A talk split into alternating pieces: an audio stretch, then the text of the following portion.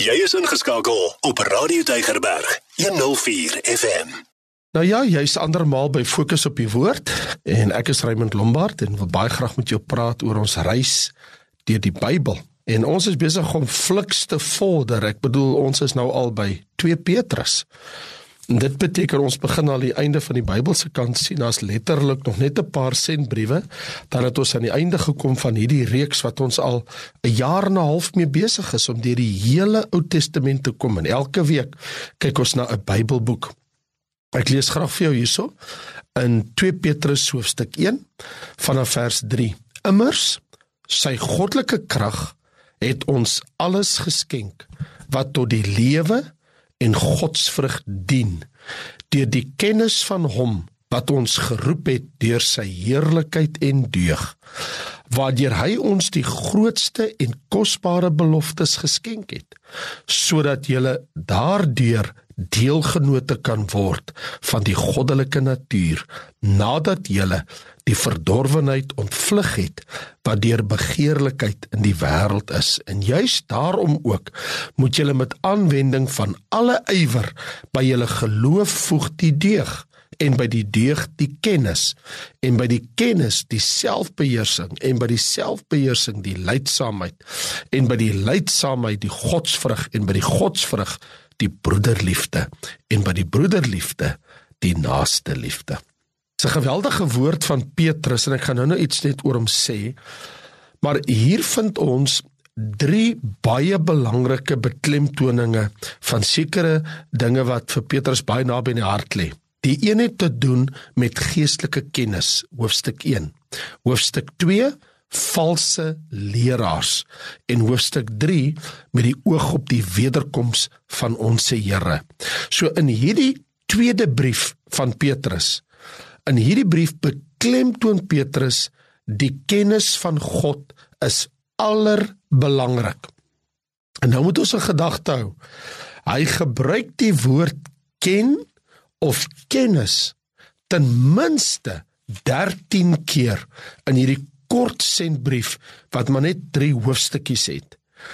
Maar wanneer hy die woord hierdie woord ken of kennis gebruik, dis nie slegs net intellektuele kennis van sekere waarhede nie. Maar dit word bedoel soos in die sin waar Jesus in sy hoëpriesterlike gebed in Johannes 17 vers 3 bid en hy sê en dit is die ewige lewe dat hulle u ken die enige waaragtige God en Jesus Christus wat u gestuur het. Dit is God se kennis. Dit is in hierdie trant waarin Petrus skrywe en praat. Soos wat Jesus dan nou bid dat dat hulle u ken, die enige waaragtige God. En so wat Petrus vir ons hier wil leer is ons moet die Here ken nie van die Here weet nie. Nie van hom, ons het maar net gelees van hom in die Bybel nie. Maar ken jy die waaragtige God en sy seun Jesus Christus? En nou die doel van hierdie skrywe is om die ware Christelike lewe en ware gelowiges te beskryf. Dan vind ons in hoofstuk 2, hy waarsku ons omtrent valse leraars wat Petrus bekommer het is die valse leraars wat op die toneel verskyn het.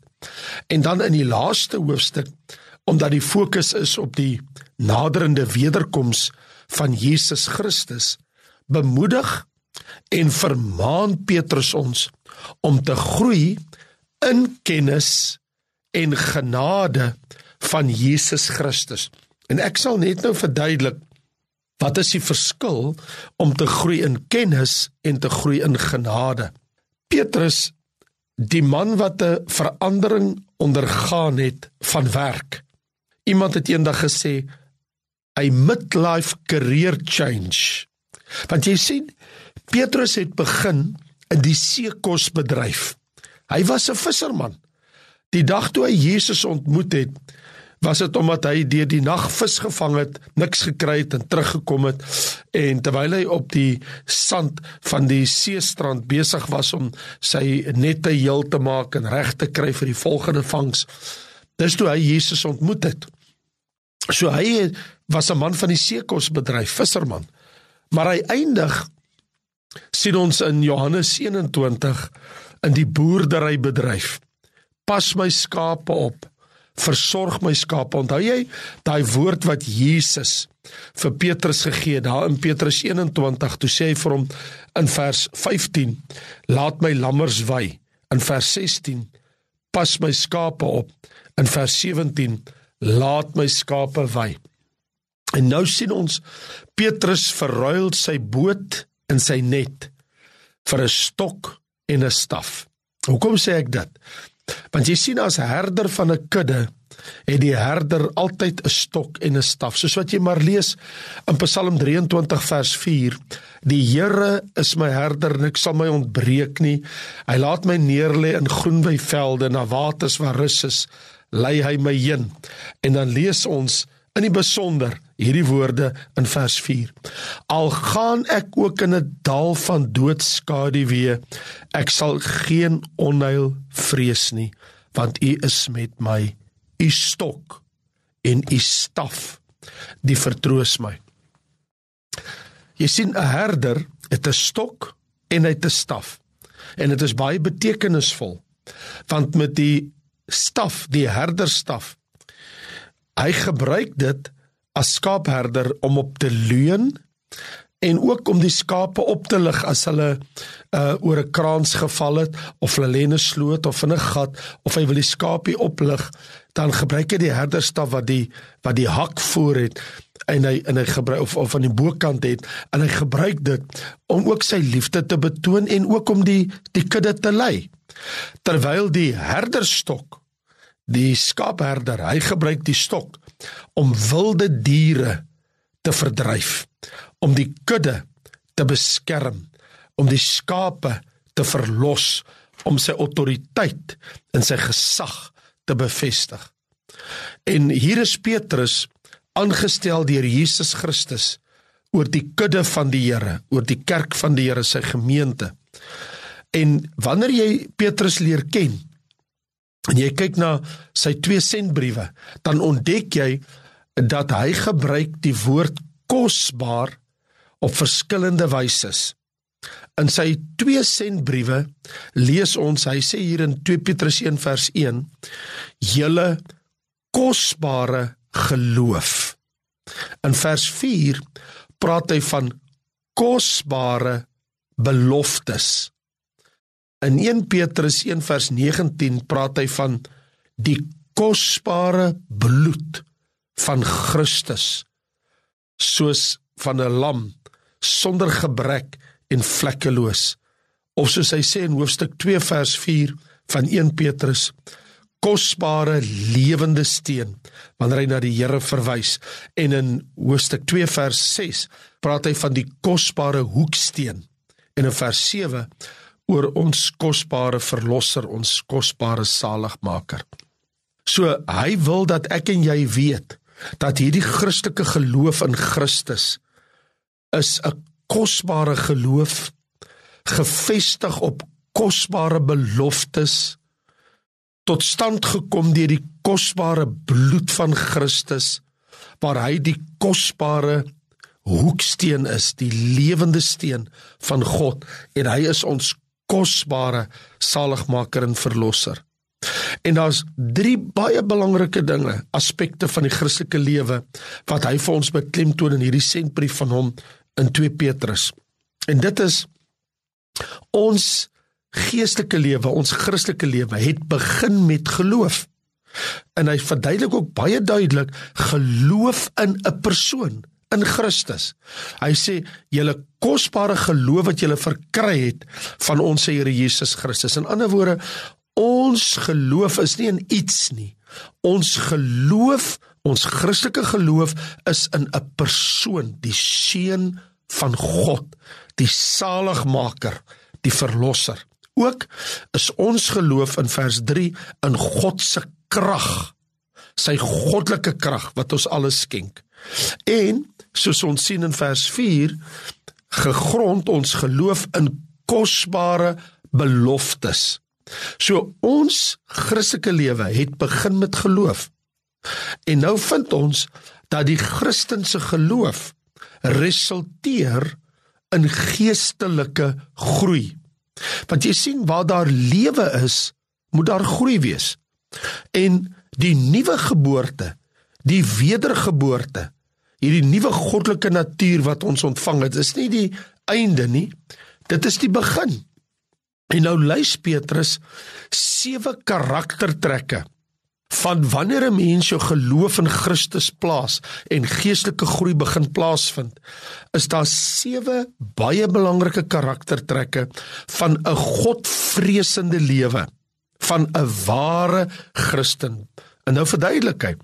En hy sê: "By julle geloof, vers 5, met aanwending van alle ywer, moet julle by julle geloof voeg die deug.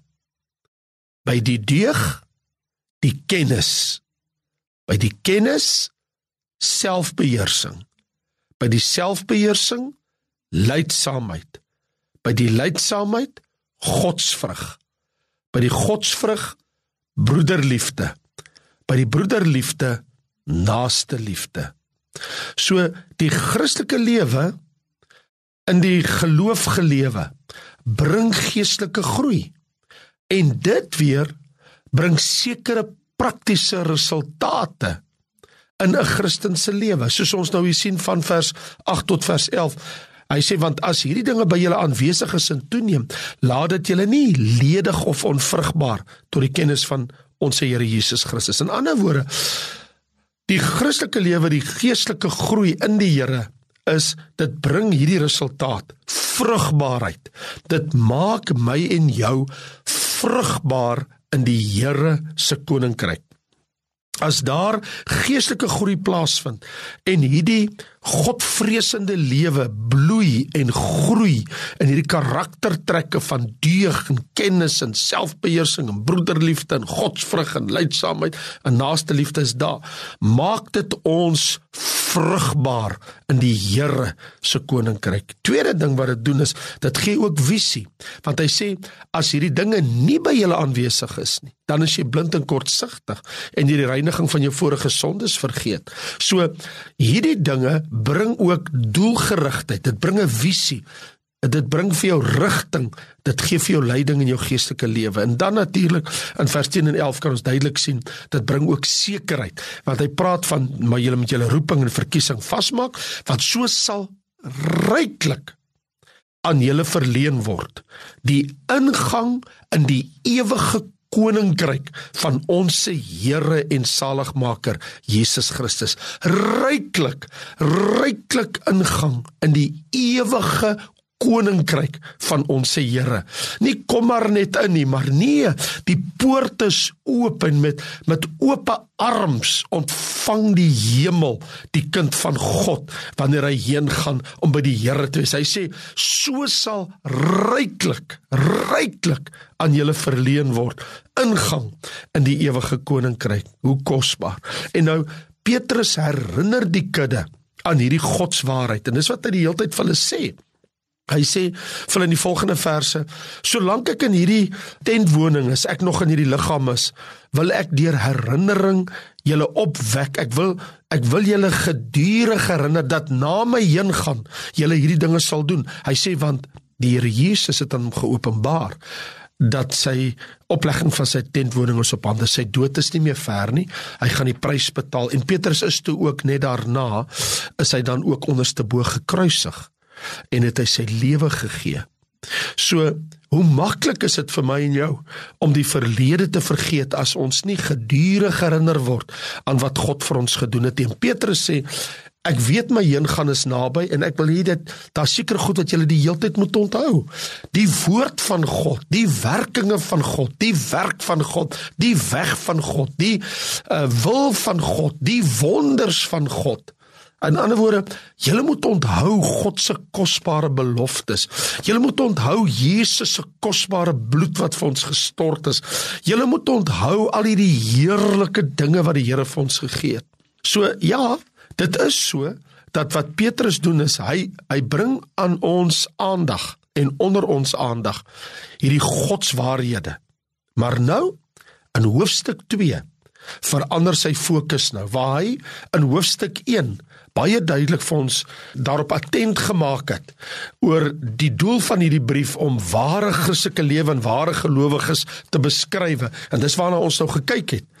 Kom hy in hoofstuk 2 en Petrus gee 'n ongevoelige regheid op die man af waarskuwing oor valse leraars. Hy vertel ons in geen onduidelike woorde wie en wat die valse leraars is en wat hulle doen.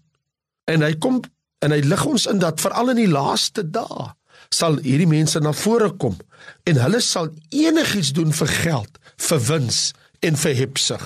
Hulle is vermetel, hulle is aanmatigend. Hulle tree ook so op. Hulle doen wat hulle wil.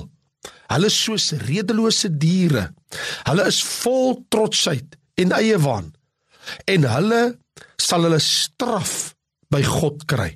Ons het nou net die afgelope 2 weke gesien uh hoe iemand 'n baie bekende figuur in Amerika in die kringe van prosperity leer, hoe hy 'n belydenis gedoen het voor duisende van sy gemeentelede by 'n diens.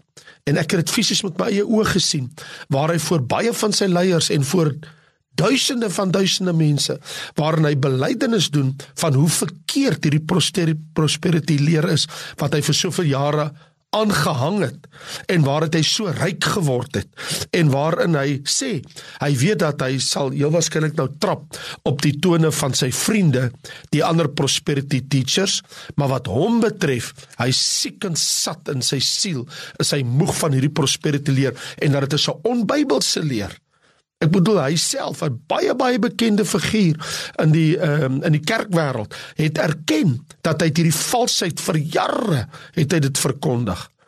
En ek het toe maar net by myself gewonder Lukas 19 sê toe ek nou na sy belydenis kyk toe dink ek wel as dit 'n hartgrondige berou belydenis is maar God verheerlik word deur jou belydenis. En ek hoop jy gaan deurvoer wat uh, die ryk man Saggeus vir die Here Jesus gesê het Here nou gaan ek die helfte van al my goed vir die armes gee en wat ek afgepers het van mense gee ek viervoudig terug. En ek vertrou God dat hy tot insig sal kom en dat hy die pad van Saggeus nou gaan volg nou dat hy erken en bely het dat hy dat hy die evangelie misbruik het vir homself. En nou kom Petrus en hy verduidelik in hoofstuk 2 baie duidelik.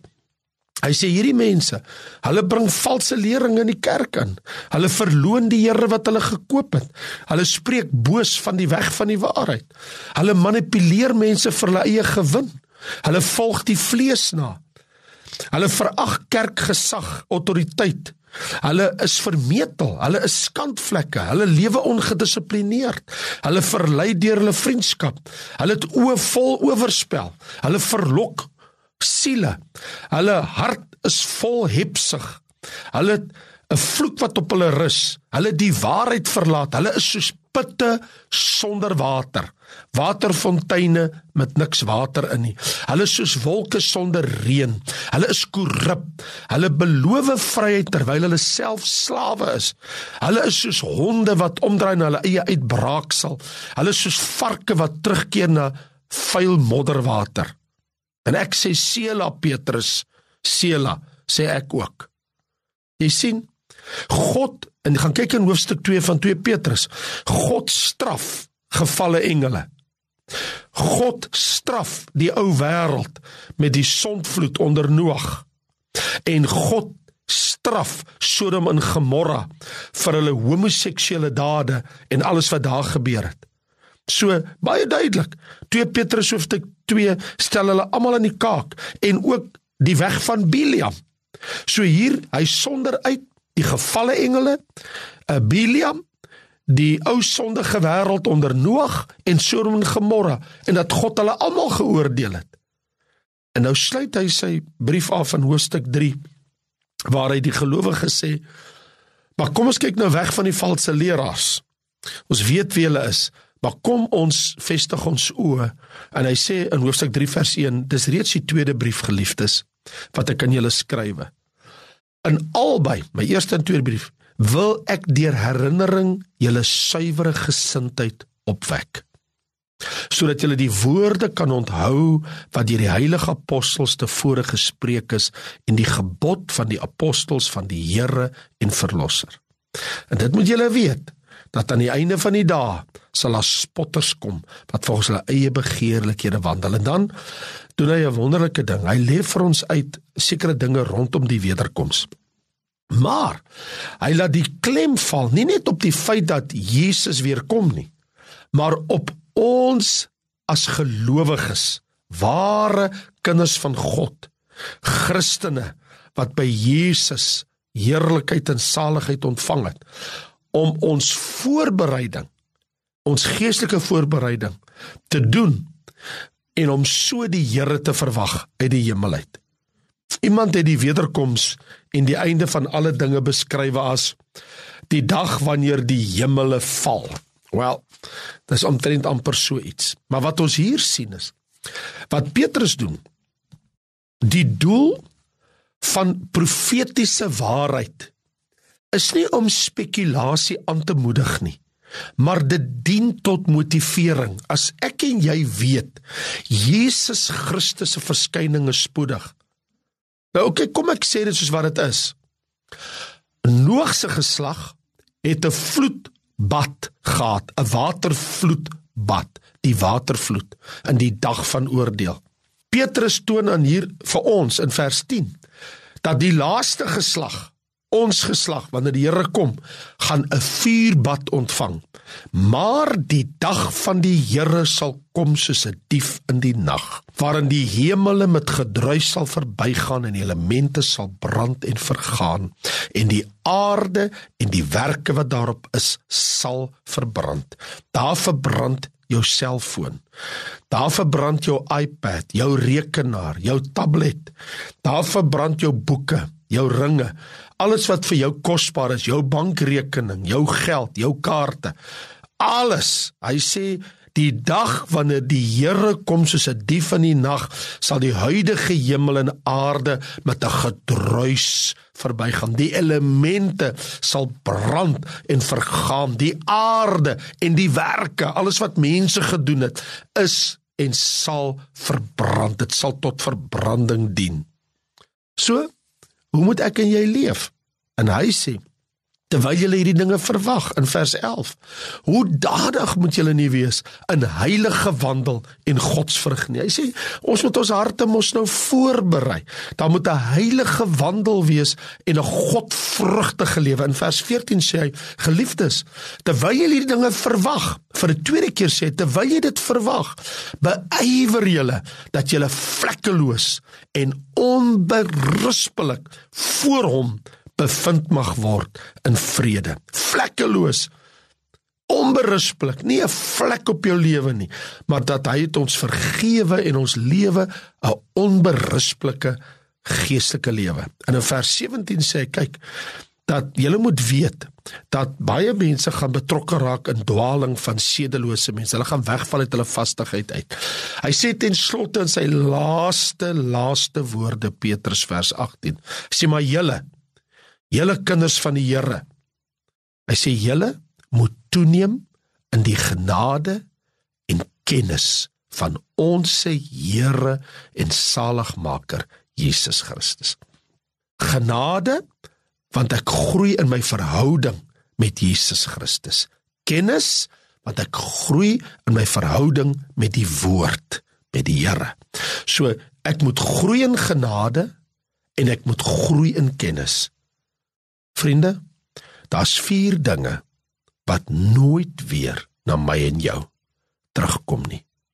Eerstens, 'n gesproke woord wat jy gespreek het en wat ek gespreek het, is uit my mond uit. 'n Gesproke woord kom nie terug nie.